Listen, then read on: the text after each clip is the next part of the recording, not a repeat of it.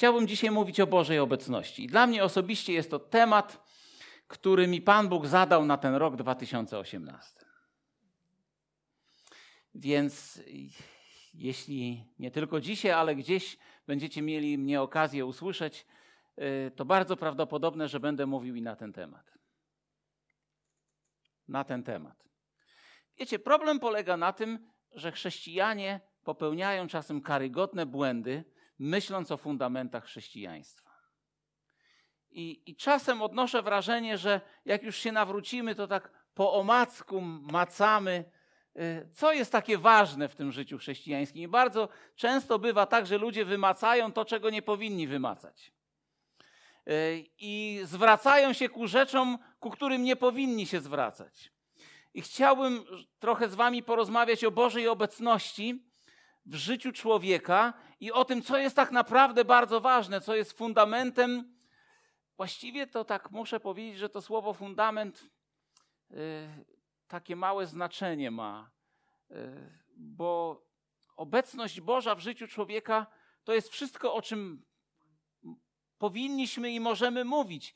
Bo słuchajcie, jeżeli ktoś jest chrześcijaninem, a nie ma Bożej obecności, no to właściwie co ma? Bez Bożej obecności jesteśmy co najwyżej klubem albo partią polityczną.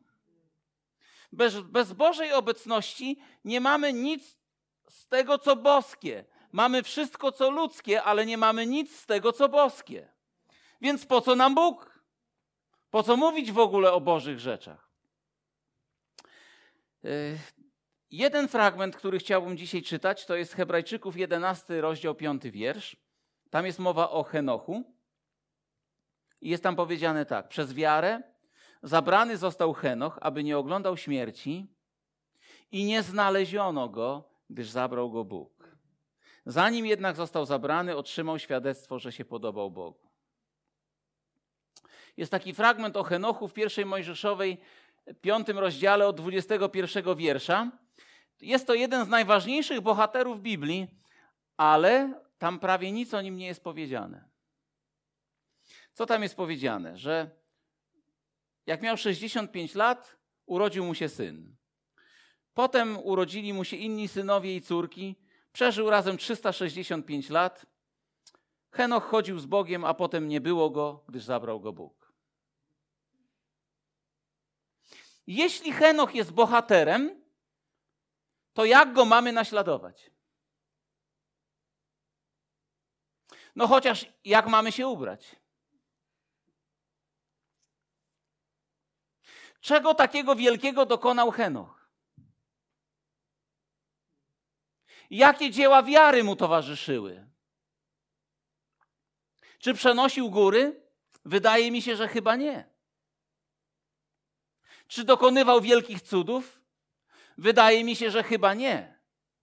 Czy było wielkie przebudzenie w tej ziemi, kiedy Henoch chodził z Bogiem? Wydaje mi się, że chyba nawet nie. A jednak pewien człowiek był znany z tego, że zawsze towarzyszył mu Bóg. Pewien człowiek żyje sobie normalnie na tej ziemi jak wszyscy inni. Yy, żył może krócej. Miał dzieci, więc prawdopodobnie pracował, żeby te dzieciaki nakarmić.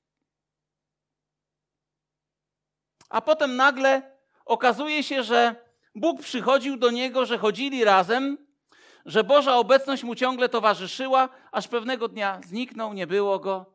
Pewnie Bóg powiedział tak: Henochu, już nie chce mi się ciągle do ciebie przychodzić, ty chodź do mnie w końcu. O niewielu ludziach jest powiedziane w Biblii, że Bóg ich zabrał. Ale gdybyśmy mieli powiedzieć dobrze, y, moim bohaterem wiary jest Henoch, to jak go byście chcieli naśladować? Jakie decyzje podjął, dramatyczne bądź niedramatyczne, które pokazywałyby, jakiego kalibru był człowiekiem? Nie da się.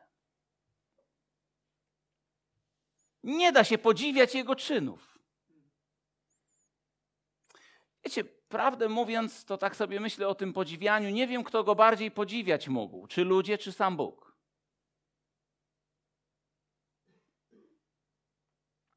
Wyobraźcie sobie sytuację, że człowiek, nie, że Bóg lubi jakiegoś człowieka tak bardzo, że ciągle do niego przychodzi.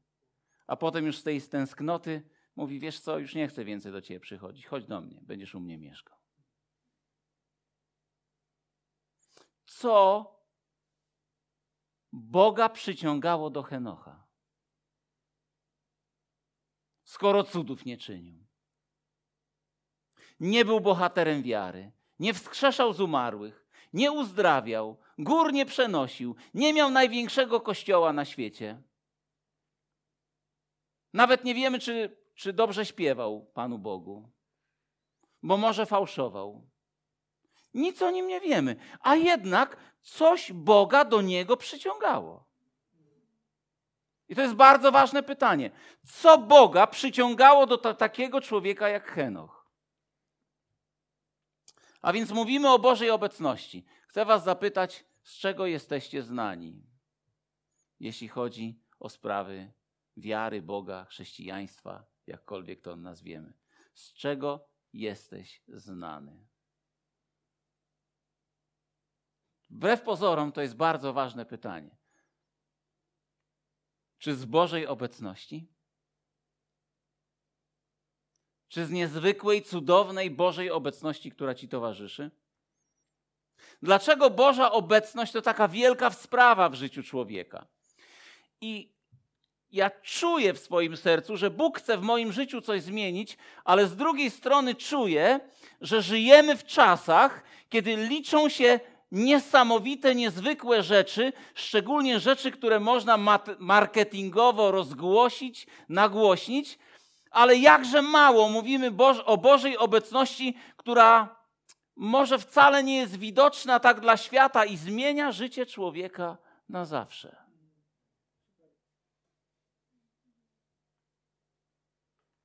Hiob, pewien mąż Boży, który był strasznie chory, stracił w życiu wszystko. Stracił dzieci, zginęły, stracił majątek, stał się biednym człowiekiem, a potem tak się rozchorował, że kiedy zobaczyli go jego przyjaciele, przyszli do niego, żeby go odwiedzić, przez kilka dni nie mogli mówić. Jego ciało było tak zbolałe, a cierpienia psychiczne, które przechodził, były tak wielkie i tak intensywne, że jego znajomi za nie mówili. Jego żona do niego mówi tak: Przeklinaj Boga, to chociaż umrzesz, skończy się Twoje cierpienie. I Hiob wtedy mówi: Co ty w ogóle opowiadasz? Nie będę przeklinał Boga. I w tym bólu, w tym cierpieniu, w tym wszystkim, co przeżywał, o czym taki człowiek mógł marzyć?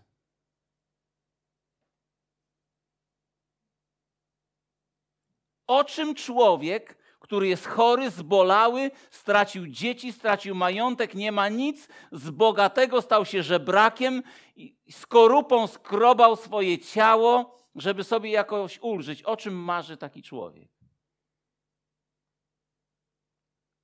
I pewnego dnia kiedy rozmawia z przyjaciółmi, broni tego, co przeżywał, mówi tak: O, oby były zapisane moje słowa.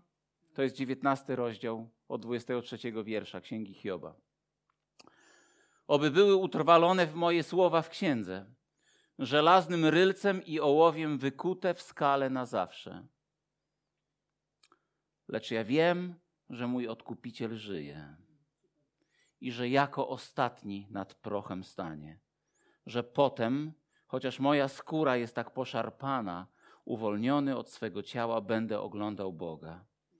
Tak, ja sam ujrzę Go i moje oczy zobaczą Go, nie kto inny.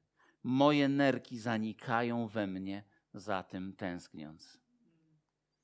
Nie tęsknił za uzdrowieniem. Nie tęsknił za bogactwem nie tęsknił za wielkimi dziełami, Nie tęsknił za chwałą, nie tęsknił za tym, żeby się chlubić przed ludźmi, nie tęsknił za wieloma rzeczami, o których my myślimy i za którymi tęsknimy. On mówi tak, a kiedy zaczynam marzyć, zaraz, zaraz, to jest chory człowiek. Jego ciało przybite bólem tak bardzo, że trudno to sobie wyobrazić. Człowiek, który wszystko w życiu stracił. I kiedy zaczynam myśleć, o czym marzysz, marzę o tym, że kiedyś zobaczę go twarzą w twarz. Nie wiem, co to znaczy, że moje nerki we mnie zanikają za tym tęskniąc. Ale Hiob mówi o tym marzę. Apostoł Paweł w liście do Filipian mówi tak: Wszystko, co mi było zyskiem, ze względu na Chrystusa uznałem za szkodę. To nie był jakiś taki facecik, który gdzieś tam się znalazł. Najlepiej wykształcony umysł tamtych czasów. E, nie wiem, czy czyjekolwiek, nie wiem jak to nazwać, książki, wykłady, to o czym jest w Biblii, było czytane więcej razy niż jego opracowania, jego listy. Bez wątpienia dostałby Nagrodę Nobla. To był najświetlejszy umysł tamtych czasów. Jego wpływ na świat był niewiarygodny i wiecie, on był przygotowywany do tego, żeby być największym człowiekiem w Izraelu. Prócz tego był obywatelem rzymskim. Y, jeden król powiedział o nim: Pawle, wielka uczoność Twoja i tak dalej. I ten Paweł pewnego dnia mówi tak, ale wszystko, co mi było zyskiem, uznałem za szkodę. Wszystko, o czym możecie mi w tym życiu powiedzieć, dla mnie jest kompletnie bez znaczenia ze względu na Chrystusa. A o czym marzysz, Pawle? A on dalej mówi rzeczy, które są dla nas bezsensowne, kompletnie niezrozumiałe w dzisiejszych czasach. On mówi tak: O czym marzę? Chcę się stać do niego podobnym w jego cierpieniach. A potem chcę się stać do niego podobny w jego śmierci. Ja tak bardzo pragnę Chrystusa, że jestem gotów zapłacić cenę cierpienia i gotów jestem zapłacić cenę śmierci, żeby tym sposobem dostąpić zmartwychwstania i zobaczyć Go. Apostoł Paweł nie inwestował w siebie, jeśli mogę powiedzieć tak o swoim życiu. Gdy patrzę na wiele osób, które są opisane w Słowie Bożym, y, ja dzisiaj celowo nie chcę żadnych przykładów spoza Biblii dawać, ok? Może, może jeden powiem. Moja mama parę lat temu umarła w wieku 96 lat. Miała 43 lata, jak ja się urodziłem, i bała się, że, że w ogóle już jej się nie uda wychować syna. Ale Bóg dał zdrowie, Bóg dał łaskę. Była prawie analfabetką. O, gdzieś tam przed wojną, przed pierwszą wojną światową urodziła się na Lubelszczyźnie. E, poszła do szkoły, ale potem butów nie było, więc już zimą nie można było chodzić do szkoły. Więc tylko tyle, że potrafiła czytać. Czytała całe życie Biblię.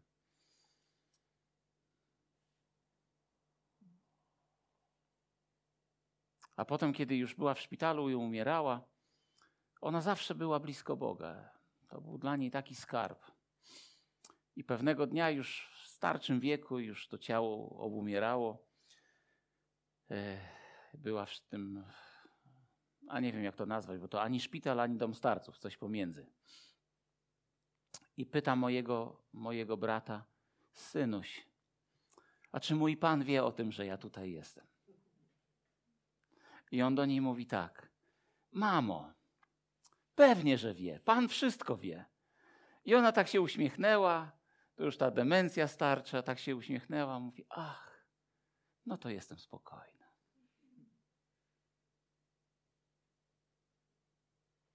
jakże często jesteśmy zainteresowani wszystkim w chrześcijaństwie, tylko nie samym Panem.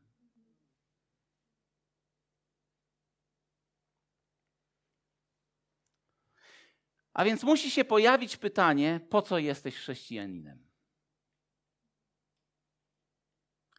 Musi się pojawić pytanie, co cię w tym chrześcijaństwie pociąga tak naprawdę. Czy istota tego celu, który jest w tobie, jest na tyle wartościowa, żeby zapłacić cenę, żeby zapłacić wysoką cenę? Chcę wam powiedzieć jedno. Bóg nie ma ci nic do zaoferowania poza samym sobą. Jeśli chcesz czegoś innego, to prawdopodobnie będziesz zawiedziony. Jeżeli Bóg ma ci coś do zaoferowania, coś wartościowego, a jeśli traktuje cię poważnie i jesteś dla niego kimś wartościowym, wyjątkowym, nie ma dla ciebie nic oprócz tego, że chce ci dać samego siebie. I prawdopodobnie nie próbuje dać ci niczego innego, tylko samego siebie i swoją obecność. Kiedy tak myślałem o tym, musiałem stwierdzić, że my jakże często wolimy bożki. Wolimy cielce. Wolimy rzeczy, które zastępują nam Jego osobę. Jak sobie pomyślę o wszystkich naszych tak zwanych chrześcijańskich sporach, spieramy się o różne rzeczy, to jestem załamany. Bo w tym wszystkim w ogóle nie chodzi o Jezusa i Jego obecność. My się spieramy o bożki. Ja lubię takiego bożka, a ja lubię takiego bożka. Nawet apostoł Paweł był przerażony tym, że w Koryncie mówili tak: Ja lubię Piotra, ja jestem Piotrowy, a ja jestem Pawłowy, a ja jestem Apollosowy, a Paweł mówi tak: To gdzie jest Chrystus w tym wszystkim? Ty lubisz tego, ty lubisz tamtego, a gdzie jest Chrystus? Czy w chrześcijaństwie chodzi o to, żeby lubić jednego nauczyciela przeciwko drugiemu, czy chodzi o to, że Chrystus jest alfą i omegą? Że Chrystus jest absolutnie wszystkim. Zobaczcie, ile sporów teologicznych czy nieteologicznych, nawet nie wiem jak je nazwać, toczymy. Gdy tak naprawdę dla człowieka istotne jest to, żeby uchwycić się Chrystusa, żeby go poznać, żeby uchwycić się naszego Pana. Jak tak tu przeglądam swoje notatki, żebym, żebym nie musiał y, przedłużać swojego zwiastowania, żeby ono było y, no, w takim czasie właściwym. Kiedyś pamiętam, wychowany w rodzinie chrześcijańskiej, bałem się piekła.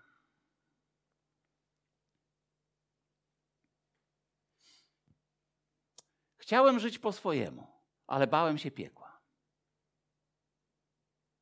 Więc każdego dnia przed snem klękałem na 10 sekund. Mówiłem: Panie Boże, zbaw mnie boginę, to znaczy idę do piekła. Ale Jezus dla mnie kompletnie nie miał znaczenia. Kompletnie nie miał znaczenia. I pamiętam, pewnego dnia przyszedłem na nabożeństwo, wzruszyłem się, ktoś właśnie opowiadał na kazaniu o chodzeniu z Bogiem, o Henochu. Ja się wzruszyłem, nie wiedziałem, co robię, przyszedłem do przodu, oddałem życie Jezusowi. 17 lat miałem wtedy jak wychodziłem z kościoła, to tak sobie pomyślałem, jeny, co ja zrobiłem? Bo mój stosunek do Boga był taki: Panie Boże, e, ja wierzę, że jesteś Bogiem, kiedyś oddam Ci moje życie, ale mam taką serdeczną prośbę, żebyśmy tak mijali się jakoś. Nie wtrącaj się w moje życie, a ja będę grzeczny. E, e, nie mieszaj mi w moim życiu, nie zmieniaj go, nie rób niczego, czego ja bym nie chciał. Po prostu tak żyjmy w zgodzie, a kiedyś się nawrócę. Jeszcze mój kuzyn po drodze szedł ze mną i tak do mnie mówi: Ty, Kamyk, a czemu ty się nawróciłeś? Ja tak spojrzałem na niego, wzruszyłem ramionami. Nie wiem czemu. nie wiem czemu się nawróciłem. I wieczorem tak w łóżku leżałem I tak mówiłem tak, Boże, jak ja nie lubię kościoła,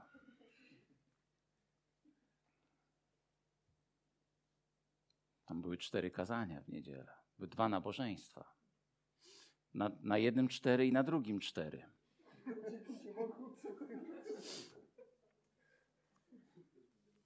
Z takimi kolegami niegrzecznymi zawsze zgadywaliśmy, jaką pieśnią zakończy się modlitwa. Czasem trafiałem, bo tak znaliśmy te obyczaje. I tak leżę w tym kościele, mówię, Boże, nie lubię nikogo w tym kościele.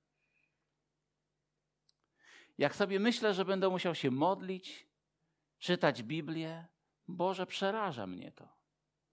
Ja nie miałem żadnych złych planów życiowych. I moje życie nie było nie wiadomo nawet jak brudne. Ale tak sobie myślałem, Boże, jak ja nie chcę, żebyś Ty się w moje życie wtrącał.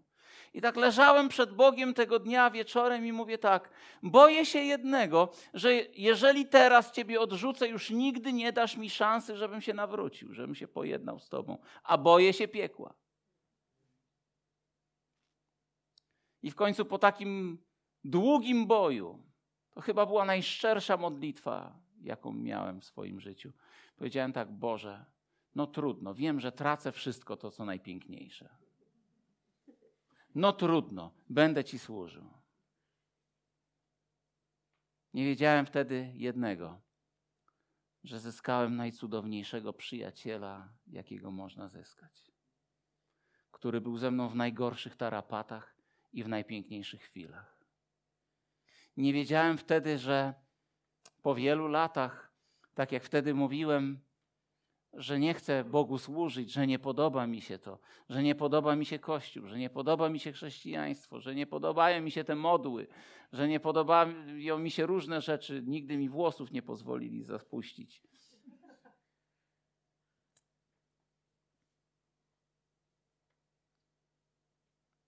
Gdybym dzisiaj miał powiedzieć coś Bogu, powiedziałem tak, powiedziałbym tak, Panie, jeśli Ty nie pójdziesz ze mną, nie każ mi gdziekolwiek iść.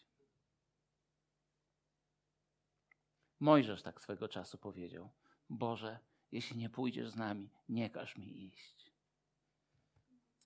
Bo tak naprawdę największym skarbem, jaki zyskuje człowiek, to jest Boża obecność. Jego bliskość. Bóg daje samego siebie. Jeszcze się nie objawiło, kim będziemy, ale nie żyjemy dla nieba nawet. Nie żyjemy dla żadnych innych rzeczy, żyjemy po to, żeby go zobaczyć.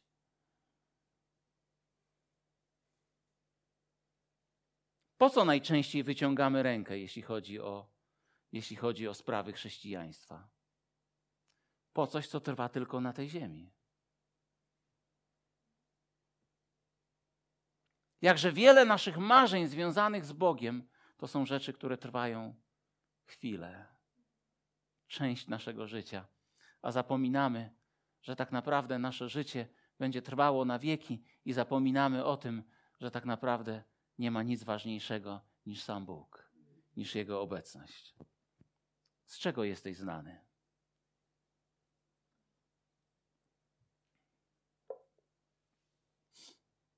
Z czego zbór jest znany? Ja sobie zadaję pytanie, z czego jest znany Kościół Zielonoświątkowy. Jakże nie chciałbym, żebyśmy byli znani z czegokolwiek innego niż z tego, że jest obecny Pan. Że Jego obecność nam towarzyszy. Ja nie wiem, czy wszystko ogarniemy tak, jak powinniśmy, ale chciałbym, żeby to, co dotyczy mojej osoby, nierozerwalnie wiązało się z tym, że towarzyszy mi w moim życiu Boża obecność. W przypadku Henocha to było tak, że on był z tego znany, ale Bożą obecnością się nie zahandluje. Bożej obecności w Twoim życiu nie rozreklamujesz na cały świat. Nie zyskasz nie wiadomo jakiego szacunku ludzi, kiedy Bóg Ci towarzyszy. Nie stanie się nie wiadomo co takiego, co by Ciebie wynosiło na piedestał, jeśli towarzyszy Ci Boża obecność. Bożej obecności na Facebooku nie zamieścisz. I nie dostaniesz za to lajków. No bo co napiszesz? Jak opiszesz tę Bożą obecność? Jak zrobisz zdjęcie? Zrób sobie selfie z Bożą obecnością. Nie da się. A jednak z drugiej strony, Boża obecność to jest największy skarb, o jakim możemy w naszym życiu mówić. I nie wiem, czasem bywają okoliczności, jeśli ktoś zechce, że możemy się podzielić tą Bożą obecnością. Ale to jest skarb, o który ty musisz zadbać w swoim życiu, o który możesz zadbać i który się okaże, że nie każdy będzie chciał przyjąć. No więc z czego jesteś znany?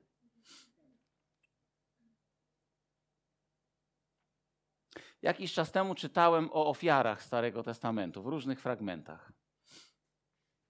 I zastanowiły mnie niektóre ofiary i niektóre okoliczności, kiedy składano ofiary Bogu. Chcę Wam powiedzieć, że ofiary zawsze będziemy składać, tak? I należy je składać. To są ofiary dziękczynienia, uwielbienia, to są ofiary finansowe, to są ofiary naszej służby, poświęcenia Bogu czasu na służbę i tak dalej. Ale czytałem o Kainie i Ablu. A potem czytałem o synach Arona, którzy e, składali ofiarę kadzidlaną. A potem czytałem o Saulu, ale wróćmy do Kaina i Abla. Obydwaj złożyli ofiarę. Tak zacząłem sobie myśleć, czy ofiara Kaina była marna? I myślę sobie nie. Prawdopodobnie ofiara, którą chciał Bogu złożyć, była fantastyczna. Nie myślę, żeby były tam zgniłe ogórki.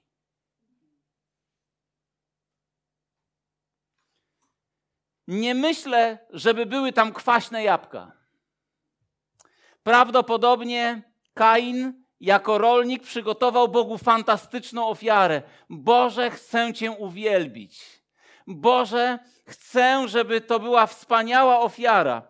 Taką samą ofiarę przygotował Abel. Przygotował obydwaj ofiarę.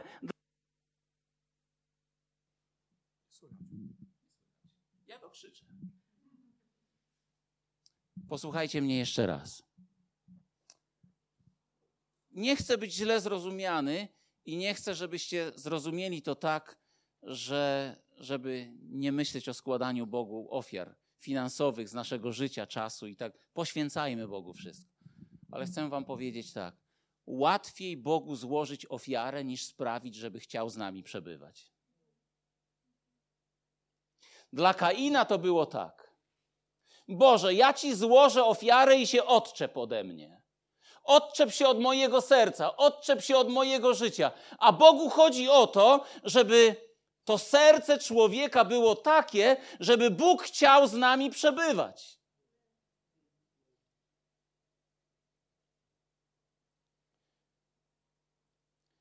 Denerwuje mnie jedno zjawisko, które obserwuję dosyć często w kościele. To, to się wiąże też z teologią. Ludzie mówią tak: Ja wiem, że wszystkie moje grzechy są przebaczone, te wczorajsze, te dzisiejsze i te jutrzejsze, więc jestem wolny. I często efekt jest taki, że mówią: Mogę żyć jak chcę. Pewnie, że możesz. I prawdopodobnie Bóg ci przebaczy te grzechy. Tylko mam dla ciebie inne pytanie. Czy z takim luzem, z takim poznaniem mechanizmu, Bóg i tak mi to przebaczy, czy Bóg będzie chciał z tobą przebywać? To, czy przebaczy, wierzę, że przebaczy. Może nawet pójdziesz do nieba, ale zadaję ci i sobie to pytanie. Co musi się dziać w moim sercu, żeby Bóg chciał ze mną przebywać? Łatwiej dać 500 złotych na ofiarę, niż swoje serce ustawić w taki sposób, żeby Bóg znajdował przyjemność w przychodzeniu do mnie. Hiob nie, Henoch otrzymał świadectwo, że podobał się Bogu. A potem widzimy synów Aarona, którzy składają Bogu ofiarę kadzidlaną. To nie był właściwy ogień, który Bóg chciał otrzymać. I giną. Bo jeśli chcesz przebywać w Bożej obecności, nie mając czystego serca, nie kochając Boga ponad wszystko, nie pragnąc się Jemu podobać, nie pragnąc zdobyć Jego serca, nie pragnąc przyciągnąć Go więzami swojej miłości, to Boża obecność staje się dla Ciebie niebezpieczna.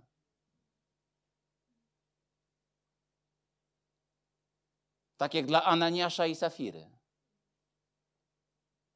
Jeśli Twoje serce nie jest sercem, które przyciąga Boga, a znajdziesz się w Bożej obecności, to zaczyna być niebezpiecznie. Wiecie, dlaczego chcę żyć świętym życiem? Różnie mi to wychodzi. Wiecie, dlaczego chcę być, żyć świętym życiem? Nie dlatego, że mam jakieś wątpliwości, czy, czy ta ofiara Jezusa przebaczy moje grzechy, czy nie, ale chcę, żeby Bóg znajdował przyjemność w przebywaniu ze mną. Ja się martwię, czy w moim sercu wszystko jest w porządku, bo się martwię tym, czy Boża obecność będzie mi towarzyszyła.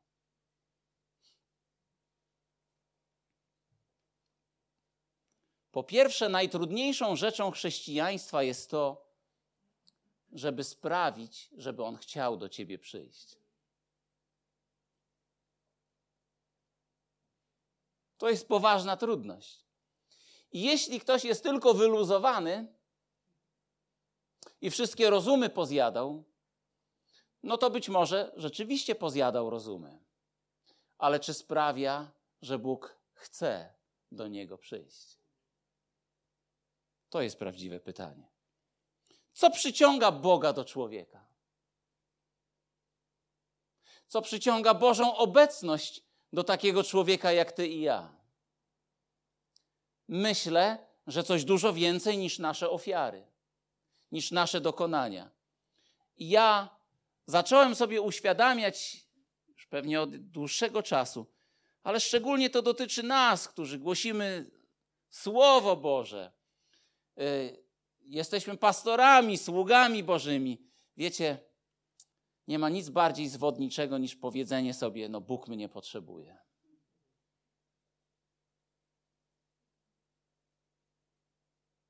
Boże, jestem Ci potrzebny. A następny krok jest taki: to ja Ci będę robił profesjonalnie to, co powinienem dla Ciebie robić, ale nie będę dbał o moje serce. Nie będę dbał o mój charakter. Nie będę dbał o to, żeby się Tobie podobać. I mówię tak: albo przyniosę Bogu ofiarę i będę odrzucony, ofiarę z mojej służby, ofiarę z moich kazań, ofiarę z moich podróży, ofiarę z mojego poświęcenia, ale to nie przyciąga Bożej obecności do mnie. Bożą obecność do mnie przyciąga moje czyste serce. Serce rozkochane w Bogu. Nasze ofiary są konieczne, dlatego że wymaga tego życie dla sprawy Chrystusowej. Nasze oddanie, nasze poświęcenie, czy to są pieniądze, czy to jest nasz czas, czy to jest nasz wysiłek, czy to jest złożenie swojego życia na służbę, Panie, tak Tobie służę, to jest potrzebne i to jest konieczne, a z drugiej strony nie to przyciąga Bożą obecność do mojego życia. Do mojego życia przyciąga Bożą obecność wewnętrzny człowiek z niezniszczalnym klejnotem cichego i czystego ducha. W Nowym Testamencie wydarzyła się jedna historia, która niesamowicie do mnie przemawia. Była kobieta, która się nazywała Maria Magdalena. I w tym ogrodzie, gdzie Jezus był pochowany, wydarzyło się coś bardzo nadzwyczajnego. Jezus został złożony w grobie, kamień został zasunięty, i zaraz po sabacie idzie do grobu Maria Magdalena i myśli, kto mi odwali kamień. Przychodzi kamień, jest odwalony od grobu. Wchodzi do grobu, patrzy, ciała Jezusa nie ma, są dwaj aniołowie. Jak reaguje człowiek na aniołów?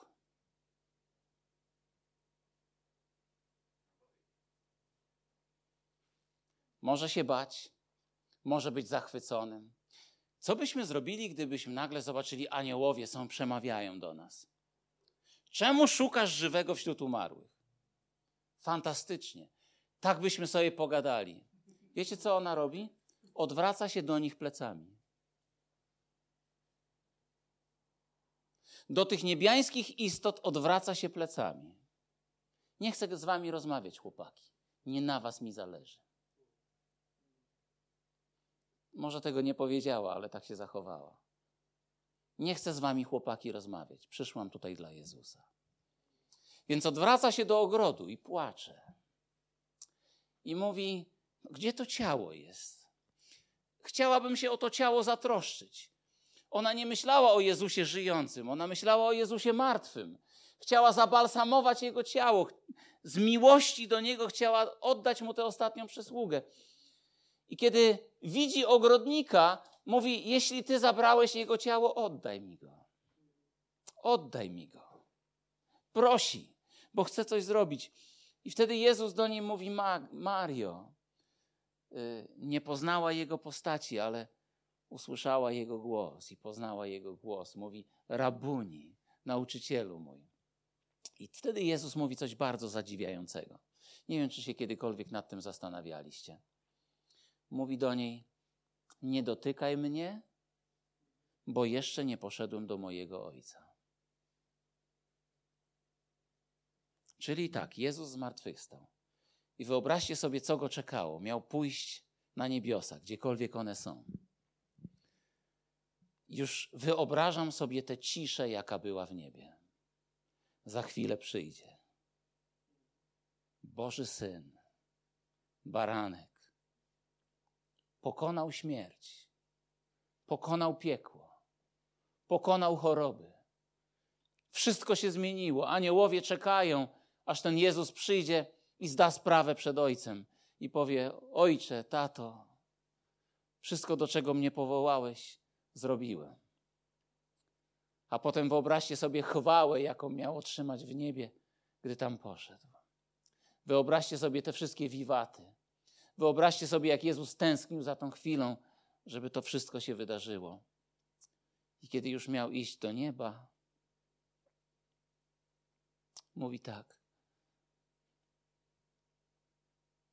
Nie mogę, bo Maria na mnie czeka i płacze.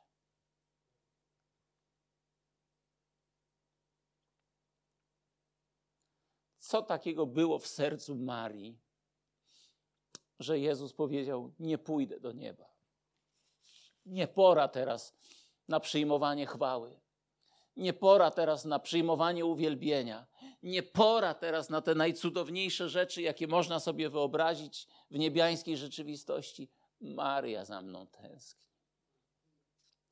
I po drodze do nieba Jezus idzie do Marii i mówi: Nie płacz, ja żyję. Wszystko będzie dobrze. Co przyciąga obecność Bożą do człowieka. Jakże często nasze życie polega na tym, że cieszymy się swoimi bożkami. Spieramy się o coś. Ważne jest dla nas to, co uważamy, nasze poglądy.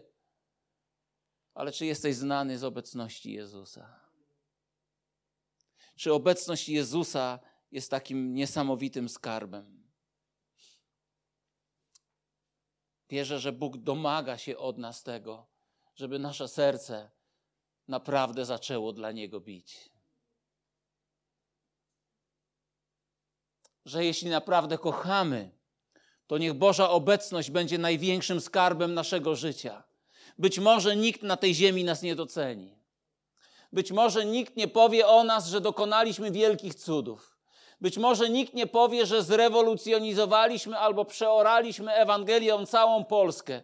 Być może nikt nie powie, że mieliśmy najpiękniejszy głos, który uwielbiał Boga. Być może nie. Ale największym skarbem, jaki człowiek może osiągnąć, to jest to, że Bóg chce Tobie podarować samego siebie.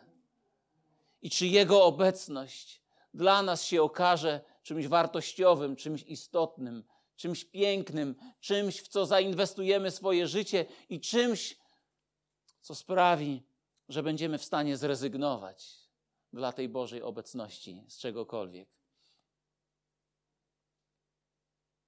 My nie musimy żyć świętym życiem, bo przecież krew Jezusa oczyszcza nas od wszelkiego grzechu, prawda? Ale ja chcę żyć świętym życiem. Ja chcę wyrzucać grzech z mojego serca. Ja chcę wyrzucać wszelkie zło z mojego serca i podobać się Bogu, bo moje czyste serce przyciąga Jego obecność. Jest powiedziane w trzecim rozdziale pierwszego listu Jana, i każdy, kto tę nadzieję w nim pokłada, jaką nadzieję? Że zobaczymy go twarzą w twarz. Oczyszcza się, jak on jest czysty. Dlatego, że ta nadzieja, żeby w miłości przyciągnąć Boga do swojego życia, sprawia, że nie zrobimy nic, co go będzie raniło. Sprawia, że nie zrobimy nic, co odepchnie Bożą obecność od nas. Dlatego poświęcamy mu wszystko i tej Bożej obecności. A więc musi go coś pociągać do nas. Druga sztuka, która musi nam się udać, coś go musi przy tobie zatrzymać.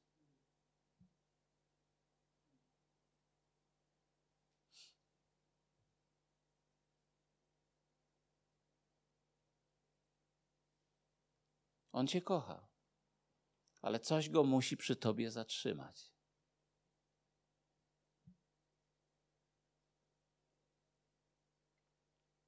To jest Twoja wiara. To jest posłuszeństwo. To jest oddanie. To jest Twoje serce, które marzy o tym, żeby dbać o Jego bliskość, dbać o Bożą obecność.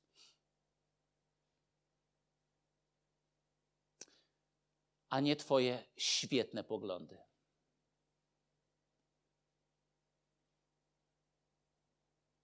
To, że masz świetne poglądy, wcale nie znaczy, że Bóg jest z Tobą. To, że masz rację, to nie znaczy, że Bóg będzie chciał z Tobą być. Coś go musi przy Tobie zatrzymać. Kiedy Dawid zgrzeszył, już zmierzam ku końcowi, nie martwcie się, chociaż już i tak za długo mówię. Kiedy Dawid zgrzeszył, martwił się najbardziej jedną rzeczą: że Bóg go opuści.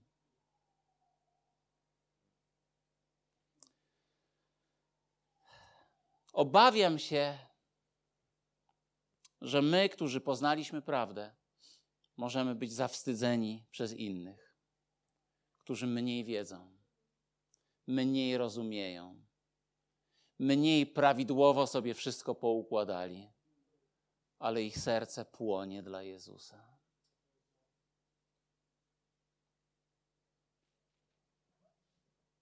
Zbyt często nasze życie chrześcijańskie rozumiemy jako zestaw działań,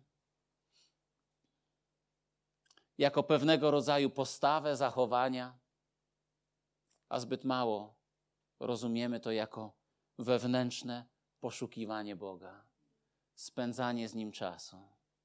Spędzanie czasu, kiedy nikt Ciebie nie widzi, a Ty się modlisz i szukasz Boga. Kiedy nikt Ciebie nie widzi, a Ty czytasz Biblię, bo chcesz, żeby coś do Ciebie powiedział. Kiedy nikt Ciebie nie widzi, a Ty nie chcesz grzeszyć, tylko chcesz żyć czystym i świętym życiem. Kiedy nikt Ciebie nie widzi, a Ty marzysz o tym, żeby Go ujrzeć żeby zrozumieć, żeby być blisko.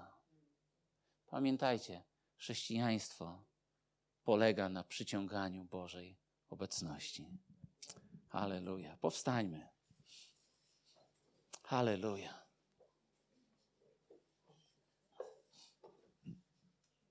Z czego jesteś znany? Z czego jesteś znany? Czy z obecności Jezusa? Duchu Święty, tak modlę się teraz, abyś przyszedł do każdego serca. Panie, To, to nie jest kwestia całego systemu wierzeń, chociaż i to jest ważne. Ale przyjdź do każdego serca, które tutaj jest. I zadaj to pytanie, Panie, czy mnie kochasz? Czy kochasz Jezusa? Boże, i tak bardzo Cię proszę, aby dla wielu z nas był to moment przełomowy. Moment, w którym zmieni się nasze życie. Żeby to był moment, kiedy najważniejszą sprawą naszego życia będzie dbanie o Twoją bliskość. Żebyś chciał przyjść. Żebyś chciał przebywać w nas. Żebyś chciał chodzić z Markiem, Zbyszkiem, Bartkiem, Magdą. Panie, żebyś chciał przebywać pośród nas. Halleluja. Tak po prostu bądźmy przez chwilę sam na sam z Panem. Jeśli trzeba, możesz zamknąć oczy, żeby cię nic nie rozpraszało. I zadaj sobie pytanie, jak to jest ze mną i z tym Jezusem? Jak to jest z moim życiem? Halleluja. O, przemawiaj do naszych serc, Duchu Święty. Przemawiaj do naszych serc. Halleluja. Halleluja. Halleluja. Dzięki Ci, Jezu. Tak jeszcze przez chwilę. Nie, bądźmy sam na sam z naszym Panem.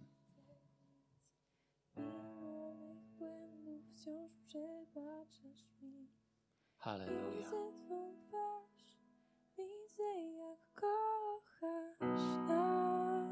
Halleluja. Bliżej, wciąż bliżej, Ty przy mnie chcesz być. Otaczasz miłością, bym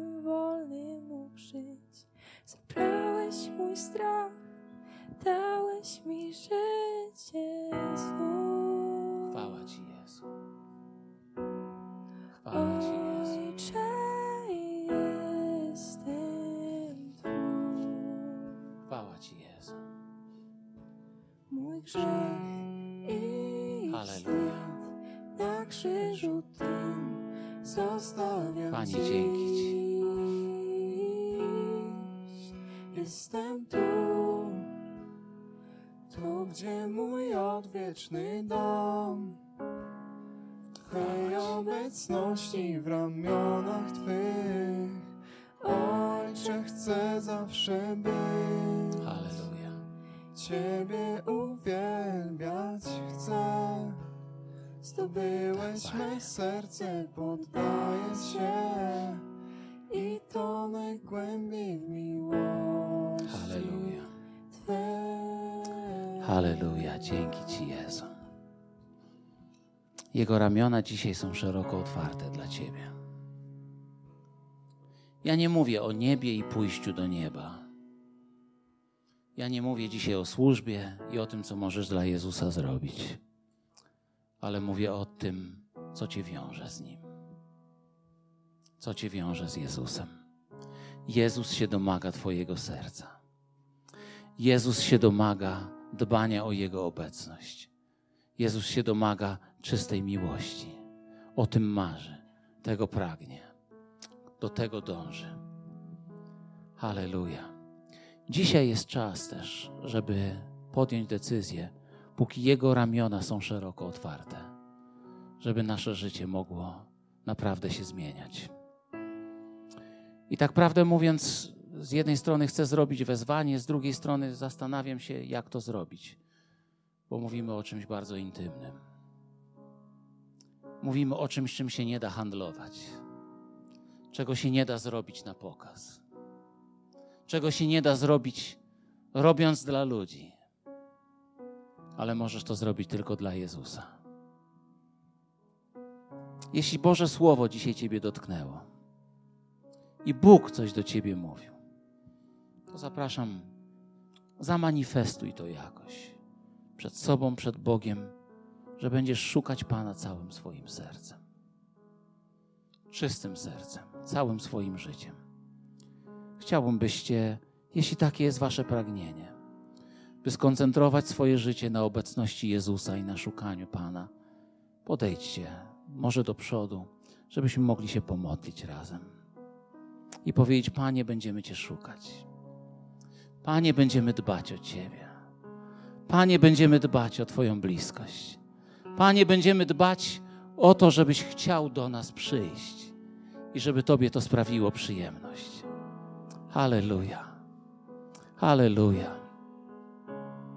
Panie, chwała Ci. Może podejdźcie jakoś tak bliżej. Nie wiem, jakoś jakoś tu się ogarniemy z tym wszystkim. Halleluja. Dzięki Ci, Jezu. Halleluja. Może śpiewajmy coś, tak, żeby to był czas uwielbienia. A ja króciutko o Was się pomodlę i potem ręce położę w imieniu Pana Jezusa. Duchu Święty, ja teraz się modlę, abyś przyszedł do moich sióstr i do moich braci. Modlę się przede wszystkim o to, abyś dotknął ich serc. I aby to serca doznały przemiany. I aby to serca wypełniły się Twoją obecnością. I aby to serca wypełniły się tęsknotą za Tobą. Panie, i aby to serca wypełniły się taką determinacją, żeby szukać Ciebie, Panie, i żyć Twoją obecnością, żyć dla Ciebie. Panie, bo ten świat nie potrzebuje nowej religii układanej na nowo. Świat potrzebuje prawdziwych ludzi, noszących obecność Jezusa w swoim życiu. Panie, moje siostry i moi bracia potrzebują tego. Więc modlę się, aby to był przełom w ich życiu. Więc modlę się, Panie, aby wydarzyło się coś trwałego. Boże, i by zrozumieli, że to, co najistotniejsze w tym życiu, jest pomiędzy Tobą a nimi, w ich sercach. Błogosławię ich w imieniu Jezusa Chrystusa.